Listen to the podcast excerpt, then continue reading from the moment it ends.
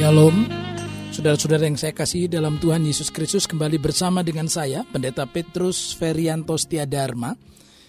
Kita akan belajar dalam acara Bible Survey ini tentang kebenaran firman Tuhan yang terambil dari kitab kejadian sampai wahyu dan kita sudah tiba di kitab Yosua pasal yang keempat kitab Yosua pasal yang keempat. Mari bersama-sama dengan saya bukalah Alkitab Saudara di Yosua pasal 4. Kita akan belajar tentang beberapa hal penting dari bagian ini. Tetapi sebelumnya mari kita datang kepada Tuhan di dalam doa. Kami datang kepadamu Bapa dengan penuh ucapan syukur untuk kesempatan yang indah pada saat ini kembali kami dapat belajar tentang kebenaran firman-Mu. Biar kiranya roh kudus yang telah mengurapi para penulis kitab suci adalah juga roh kudus yang memberikan pencerahan, memberikan penjelasan kepada hambamu yang akan menyampaikannya sehingga semua pendengar dapat mengerti dengan baik dan kami pun dimampukan untuk melakukan setiap kebenaran firman itu oleh pertolongan Tuhan sendiri. Di dalam nama Tuhan Yesus Kristus kami siap belajar firman-Mu. Haleluya. Amin. Saudara-saudara yang saya kasihi dalam Tuhan Yesus Kristus, beberapa waktu yang lalu kita sudah belajar di Yosua pasal 3 di mana Tuhan mengingatkan kepada umat Tuhan supaya tabut perjanjian diletakkan di depan yang menunjukkan pimpinan Tuhan sebelum mereka melakukan penyeberangan terhadap sungai Jordan. Dan yang kedua, dalam Yosua pasal 3 kita sudah belajar kaitan yang sangat erat antara kekudusan hidup umat Tuhan dengan mujizat yang Tuhan kerjakan. Syarat kekudusan menjadi sesuatu yang sangat perlu, yang mutlak perlu supaya mujizat Tuhan terjadi. Dan yang ketiga, bahwa Ketika Tuhan hadir di tengah-tengah umatnya, maka pasti terjadi sesuatu yang luar biasa, pasti terjadi mujizat. Itu sebabnya yang dikehendaki adalah bukan mujizatnya, tetapi kehadiran Tuhannya. Karena kalau mujizat yang dikehendaki belum tentu Tuhan hadir di situ. Mujizat bisa dilakukan oleh kuasa-kuasa yang lain. Tetapi jika Tuhan yang hadir, maka mujizat pasti terjadi. Dan yang keempat dari Yosua pasal yang ketiga kita sudah belajar bahwa tidak ada yang mustahil bagi Tuhan dan umat Tuhan dapat menyeberang sungai Yordan oleh pertolongan Tuhan dengan cara yang ajaib. Dan sekarang kita lihat pada Yosua pasal yang keempat. Kita membaca ayat yang ketujuh. Demikian bunyi firman Tuhan maka haruslah kamu katakan kepada mereka bahwa air sungai Yordan terputus di depan tabut perjanjian Tuhan ketika tabut itu menyeberangi sungai Yordan. Air sungai Yordan itu terputus sebab itu batu-batu ini, batu-batu ini akan menjadi tanda peringatan bagi orang Israel untuk selama-lamanya. Nah, saudara-saudara, mujizat yang dikerjakan Tuhan dengan menghentikan aliran daripada Sungai Yordan, sehingga umat Tuhan dapat menyeberang dari sisi sebelah timur, kemudian menyeberang ke sisi sebelah barat, maka saudara-saudara mujizat itu harus terus diingat. Apa yang Tuhan kerjakan harus terus diingat. Itulah sebabnya Tuhan menyuruh Yosua supaya memanggil ke-12 orang dari tiap-tiap suku untuk mereka dapat mengambil batu dari sungai Yordan dan menjadikannya sebagai tanda atau batu peringatan. Perlu ada monumen untuk mengingat apa yang sudah Tuhan kerjakan dalam hidup kita. Supaya apa? Supaya ketika generasi yang sesudahnya muncul, dikatakan di situ, menjadi peringatan bagi orang Israel untuk selama-lamanya. Untuk generasi-generasi yang kemudian mereka akan bertanya, apa ini? Ini nih tanda apa? Perhatikan saudara ayat 21 apabila di kemudian hari anak-anakmu bertanya kepada ayahnya, apakah arti batu-batu ini? Maka haruslah kamu beritahukan kepada anak-anakmu begini, Israel telah menyeberangi sungai Yordan ini di tanah yang kering. Dan dikatakan sebab Tuhan Allahmu telah mengeringkan di depan kamu air sungai Yordan sampai kamu dapat menyeberang seperti yang telah dilakukan Tuhan Allahmu dengan laut Tebro yang telah dikeringkannya di depan kita sampai kita dapat menyeberang. Orang tua perlu menjelaskan kepada anak-anak ketika anak-anak bertanya tentang sesuatu, apakah tanda-tanda yang ada itu. Dan orang tua menjelaskan bahwa semuanya itu karena Tuhan, Tuhan Alamu yang mengeringkan sungai Yordan itu. Nah, saudara-saudara, dalam pembinaan keluarga, kita memiliki anak-anak, dan anak-anak harus selalu diingatkan akan karya Tuhan. Anak-anak tidak boleh hanya diingatkan tentang karya jasa daripada ayah atau ibu. Seringkali orang tua berkata, oh ini loh papamu sudah melakukan ini. Ini loh mamamu sudah melakukan ini. Kamu perlu ingat jasa papa dan mama. Saudara-saudara itu baik disampaikan, tetapi akan lebih baik lagi jika kita berkata bahwa Tuhan telah memakai papa dan mama untuk melakukan sesuatu bagi kamu. Dan perhatikan bagaimana Tuhan menyatakan mujizatnya.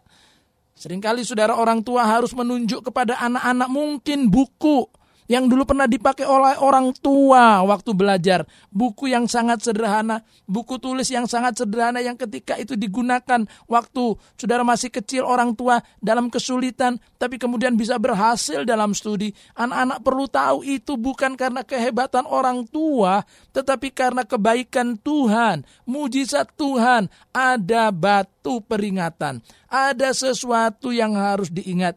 Itulah sebabnya juga sering kali ada sudah dokumen-dokumen berupa foto, dokumen berupa rekaman video tentang masa lalu kita bukan untuk membanggakan diri kita, tetapi untuk menjelaskan kepada anak-anak. Coba lihat dulu papa ketika menikah dengan mama dalam keadaan yang sederhana, tetapi kemudian Tuhan memberkati sehingga ada kita ada sebagaimana kita ada sampai sekarang ini dan anak-anak akan mengenal Tuhan. Lebih baik lagi, bukan hanya mengenal Tuhan secara teori dari apa yang dikatakan oleh orang lain, tapi mereka sendiri mengalami dari orang tua mereka bagaimana Tuhan itu telah melakukan karya kebaikan mujizat yang luar biasa.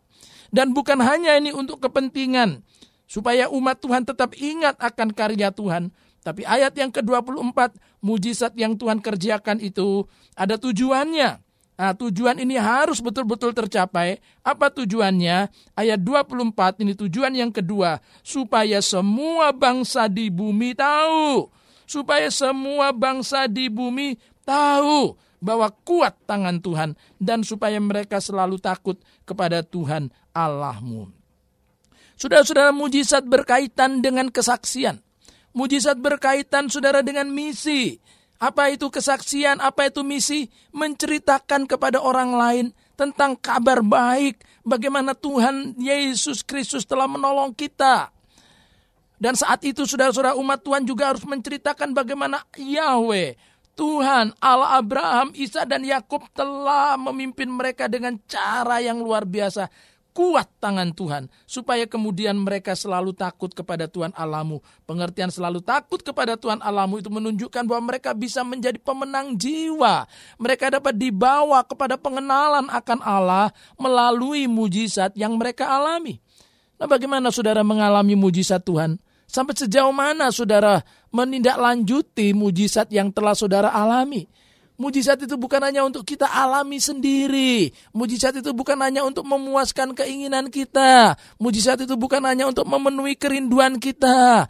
Tetapi saudara-saudara selain untuk kepentingan kita. di mana kemudian kita mengagumi, kita mengasihi Tuhan. Oh, kita juga dapat bersaksi kepada orang lain, supaya orang lain yang mungkin memiliki masalah yang sama, mereka yang memiliki pergumulan yang sama, mereka juga merindukan jamahan daripada Tuhan, dan melalui kesaksian kita, mereka dikuatkan bahwa Allah itu hidup, bahwa Allah itu ada, bahwa Allah itu tetap dapat melakukan mujizatnya bagi kita hingga masa kini.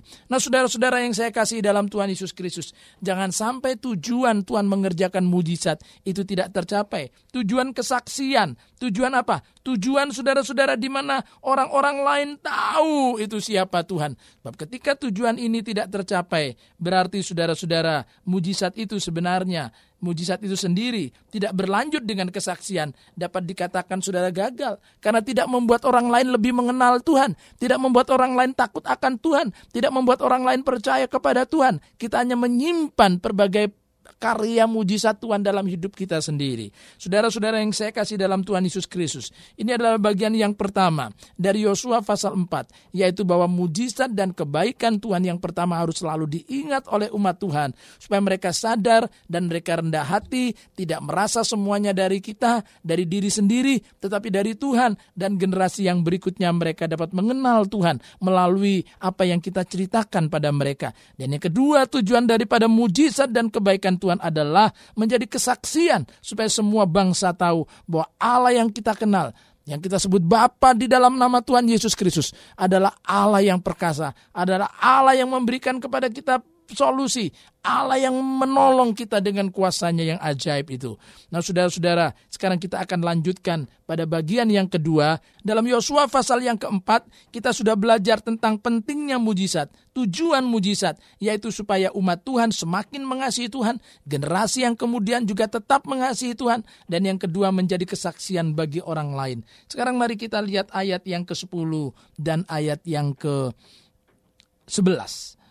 Para imam pengangkat tabut itu tinggal berdiri di tengah-tengah sungai Yordan sampai selesai dilakukan segala yang diperintahkan Tuhan kepada Yosua untuk disampaikan kepada bangsa itu sesuai dengan segala yang diperintahkan Musa kepada Yosua maka menyeberanglah bangsa itu dengan cepat-cepat. Perhatikan maka menyeberanglah bangsa itu dengan cepat-cepat. Ketika seluruh bangsa itu selesai menyeberang maka menyeberanglah tabut Tuhan itu serta para imam di depan mata bangsa itu.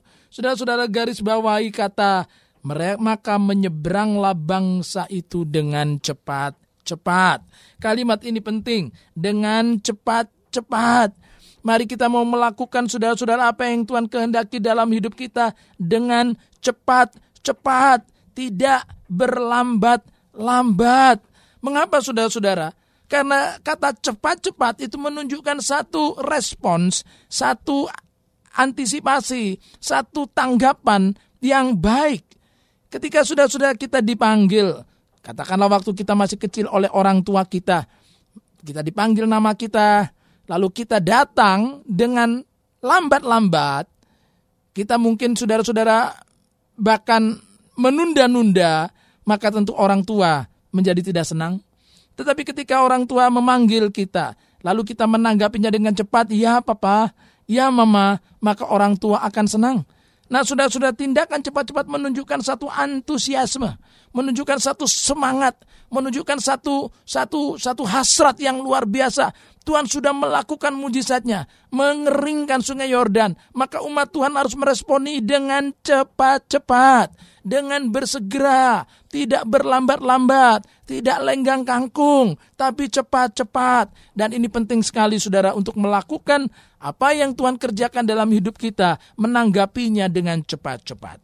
Nah mari kita lihat saudara di dalam Injil Markus. Kalau saudara melihat bagaimana Markus menuliskan Injilnya dalam pimpinan roh kudus, ia menuliskan tentang Yesus Kristus yang saudara-saudara digambarkan sebagai hamba. Markus menggambarkan Yesus sebagai hamba. Sementara Matius menggambarkan Yesus sebagai raja, Lukas menggambarkan Yesus sebagai anak manusia, dan Yohanes menggambarkan Yesus sebagai anak Allah. Nah, dalam Injil Markus sudah sudah disebutkan di situ ada beberapa kali kata yang penting menunjukkan bagaimana Yesus sebagai hamba mengerjakan apa yang ditugaskan kepadanya. Perhatikan misalnya Markus pasal 2 ayat 1. Ada kata di situ kemudian sesudah lewat beberapa hari.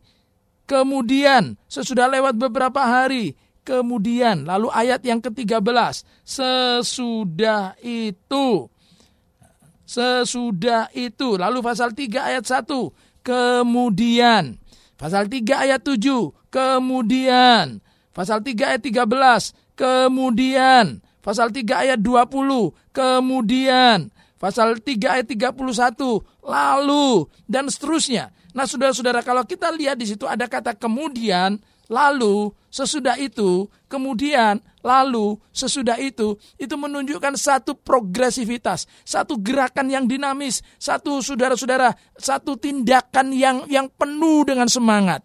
Nah, bagaimana keadaan saudara?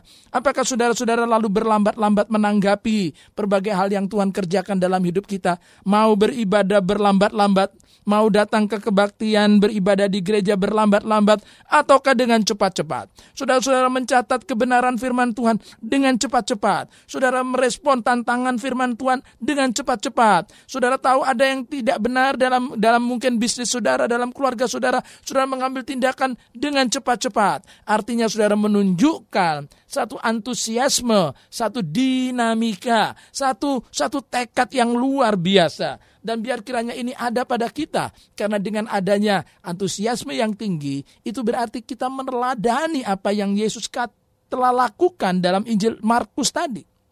Dengan segera. Kalau kita ingat saudara bagaimana ketika Lot, ketika Lot disuruh oleh Tuhan untuk menjauh, untuk pergi dari Sodom dan Gomora karena Tuhan tidak menghancurkan Sodom dan Gomora dengan api dan belerang. Kalau kita melihat bagaimana respon daripada Lot, saudara-saudara, daripada Lot, maka kita melihat Lot tidak bersegera. Mari kita lihat kembali saudara dalam kejadian pasal yang ke-19. Kejadian pasal yang ke-19. Kalau kita melihat di situ tentang peristiwa Sodom dan Gomora dimusnahkan, Lot diselamatkan, maka kita melihat di situ bagaimana Lot, saudara-saudara tidak bergegas, tetapi berlambat-lambat. Ayat yang ke-16, ketika ia berlambat-lambat, maka tangannya, tangan istri, dan tangan kedua anaknya dipegang oleh kedua orang itu, sebab Tuhan hendak mengasihani dia. Lalu kedua orang itu menuntunnya keluar kota dan melepaskannya di sana. Tuhan mengasihani dia. Tapi Lot berlambat-lambat. Sudah, sudah, sudah disuruh pergi meninggalkan Sodom Gomora. Berlambat-lambat. Sehingga tangannya, tangan istri, tangan kedua anaknya dipegang oleh kedua orang itu. Yaitu saudara penampakan Allah sendiri. Lot perlu saudara dibantu untuk digerakkan sudah. Karena Lot berlambat-lambat. Saya tidak tahu bagaimana uh, saudara uh, menanggapi kehidupan ini. Sudah-sudah kita sedang berpacu dengan waktu. Kita sedang sudah-sudah berpacu dengan waktu. Penting sekali jangan buang-buang waktu. Jangan berlambat-lambat. Saudara-saudara ada memang pepatah yang mengatakan biar lambat asal selamat. Tetapi saya mau beritahukan kepada saudara, dalam Alkitab kita disuruh saudara dengan biar cepat juga selamat. Lambat selamat dengan cepat selamat. Saya memilih cepat selamat. Tidak berarti kalau cepat itu lalu binasa. Tidak berarti kalau cepat itu pasti tidak selamat. Tidak berarti juga kalau lambat itu pasti selamat. Karena saya melihat ada orang yang berlambat-lambat justru menjadi tidak selamat. Dan ada orang yang cepat-cepat justru selamat. Mengapa kita tidak melihat apa yang dikatakan firman Tuhan? Firman Tuhan sedang bicara tentang cepat, bukan lambat dengan bersegera, dengan bersegera, melakukan firman bersegera, mau mengampuni bersegera, mau memberi bersegera, mau melayani bersegera, mau menyatakan saudara-saudara ke kasih Tuhan kepada orang lain bersegera, mau menangkap visi Tuhan bersegera, mengambil keputusan yang sesuai dengan keinginan Tuhan bersegera.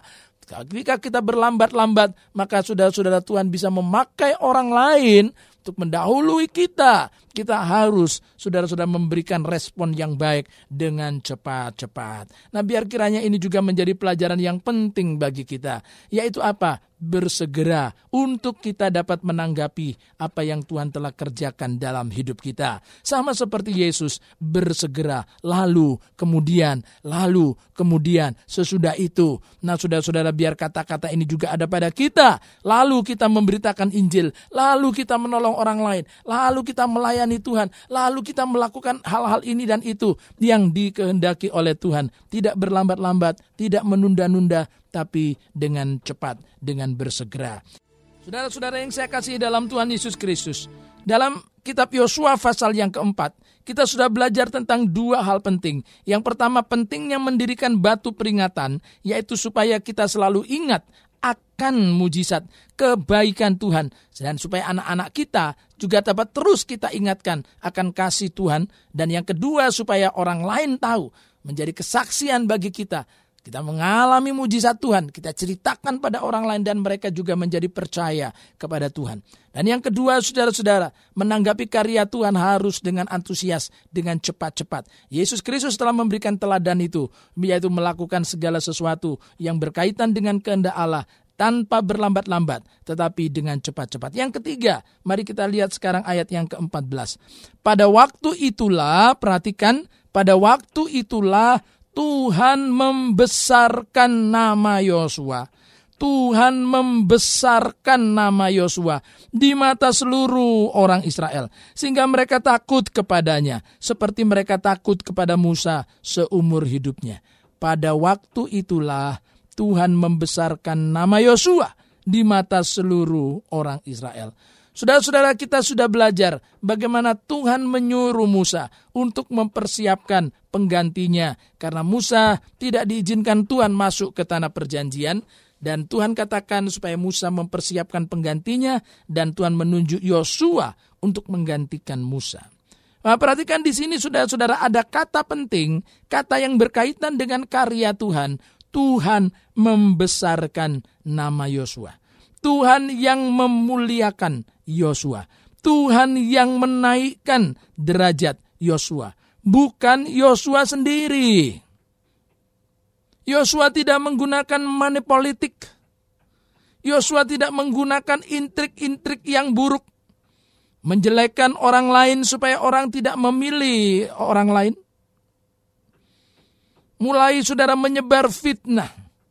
Mulai menyebar kebohongan menyebar dusta, supaya orang kemudian membenci orang lain dan memilih kita.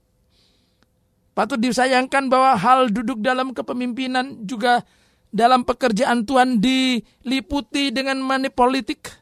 Ada orang-orang yang mengeluarkan sejumlah uang kepada orang-orang tertentu supaya mereka mau memilihnya menjadi pemimpin. Saudara-saudara kalimat ini menunjukkan bahwa peninggian itu adalah dari Tuhan. Mari kita lihat dalam kitab Mazmur pasal yang ke-75. Kitab Mazmur pasal yang ke-75 ayat yang ke-7 dan ayat yang ke-8. Demikian bunyi firman Tuhan. Sebab bukan dari timur atau dari barat dan bukan dari padang gurun datangnya peninggian itu. Tetapi Allah adalah hakim direndahkannya yang satu dan ditinggikannya yang lain. Peninggian itu datangnya bukan dari timur atau dari barat, bukan dari sesama manusia kita, manusia sesama kita. Saudara-saudara, promosi-promosi dalam jabatan, dalam pekerjaan sekuler, dalam pekerjaan saudara yang kita lakukan sehari-hari, maupun juga dalam pelayanan datangnya dari Tuhan, bukan dari padang gurun, Bukan dari saudara-saudara yang disebut dengan padang gurun biasanya adalah tempat-tempat di mana orang mencari kesaktian, orang mencari saudara aji-aji tertentu, orang mencari mantra-mantra tertentu. Dan sampai masa kini, di tengah-tengah kemajuan ilmu pengetahuan dan teknologi, kita masih melihat hal-hal yang irasional yang dilakukan, saudara, oleh orang-orang yang ingin menduduki jabatan tertentu. Mereka merasa perlu memiliki mantra-mantra, mereka perlu memiliki jimat, supaya kemudian atasannya sayang kepadanya, dan kemudian ia dipromosikan ke tingkat yang lebih tinggi. Tetapi saudara saya mau katakan pada saat ini bahwa peninggian bukan datang dari kuasa siapa pun, tapi datangnya daripada Tuhan. Dan jika ia yang meninggikan, tidak ada seorang pun yang dapat merendahkan.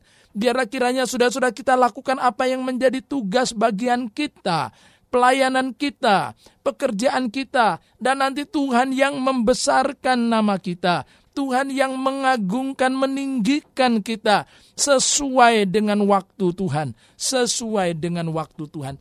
Ini saudara-saudara perlu kita pahami dengan baik karena karena kita meneladani Yesus Kristus yang juga saudara-saudara tidak segera memberikan respon ketika orang berusaha untuk meninggikannya. Perhatikan saudara-saudara dalam Yohanes pasal yang ketujuh dalam Yohanes pasal yang ketujuh ayat yang ketiga Maka kata saudara-saudara Yesus kepadanya, berangkatlah dari sini dan pergi ke Yudea, supaya murid-muridmu juga melihat perbuatan-perbuatan yang engkau lakukan. Sebab tidak seorang pun berbuat sesuatu di tempat tersembunyi, jika ia mau diakui di muka umum. Jika engkau berbuat hal-hal yang demikian, tampakkanlah dirimu kepada dunia. Nampaknya di sini ada ada ada usulan promosi dari saudara-saudara Yesus kepada Yesus. Tetapi saudara Yesus tidak menanggapinya. Apakah kata kata daripada uh, firman Tuhan ayat yang kelima, sebab saudara-saudaranya sendiri pun tidak percaya kepadanya.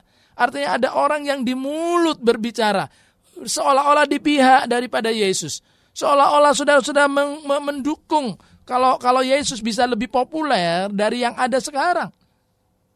Tetapi ternyata ada sesuatu yang tersembunyi di hati mereka ada sesuatu saudara-saudara yang tersembunyi, yaitu apa mereka sendiri tidak percaya kepadanya. Mereka tidak percaya kepadanya. Itulah sebabnya dalam ayat yang ke-6 jawab Yesus kepada mereka, "Waktuku belum tiba, tetapi bagi kamu selalu ada waktu." Yesus menolak. Yesus menolak peninggian dari manusia karena itu belum waktunya. Dan ini sering kali saudara-saudara juga bisa terjadi dalam pelayanan. Ada orang yang baru bertobat, Orang itu, saudara-saudara, dikaruniai oleh Tuhan banyak harta benda. Orang itu adalah orang yang kaya. Tetapi sering kali ada hamba-hamba Tuhan yang ketika saudara-saudara mendapatkan jiwa baru orang yang kaya. Lalu kemudian segera mempromosikannya untuk menduduki jabatan-jabatan kepengurusan di gereja. Kemudian bahkan saudara dipilih untuk kemudian duduk sebagai pemimpin tertinggi di gereja itu. Saudara-saudara kita harus hati-hati. Peninggian itu datangnya dari Tuhan. Jika belum waktunya Tuhan, maka apa yang dilakukan justru akan mendatangkan masalah yang besar. Akan mendatangkan kehancuran. Akan mendatangkan kerusakan. Karena ada orang yang tidak siap untuk duduk dalam posisi-posisi tertentu. Kita bisa ikut bersalah ketika menempatkan orang di posisi-posisi. Karena mungkin saudara-saudara kita berharap kita dapat menikmati sedikit daripada harta benda tandanya ia menyenangi kita dan kemudian kita diservis, kita diberi fasilitas, kita mendapatkan pemberian-pemberian padahal itu tidak benar. Saudara-saudara ada waktu Tuhan. Yesus Kristus telah memberikan keteladanan kepada kita.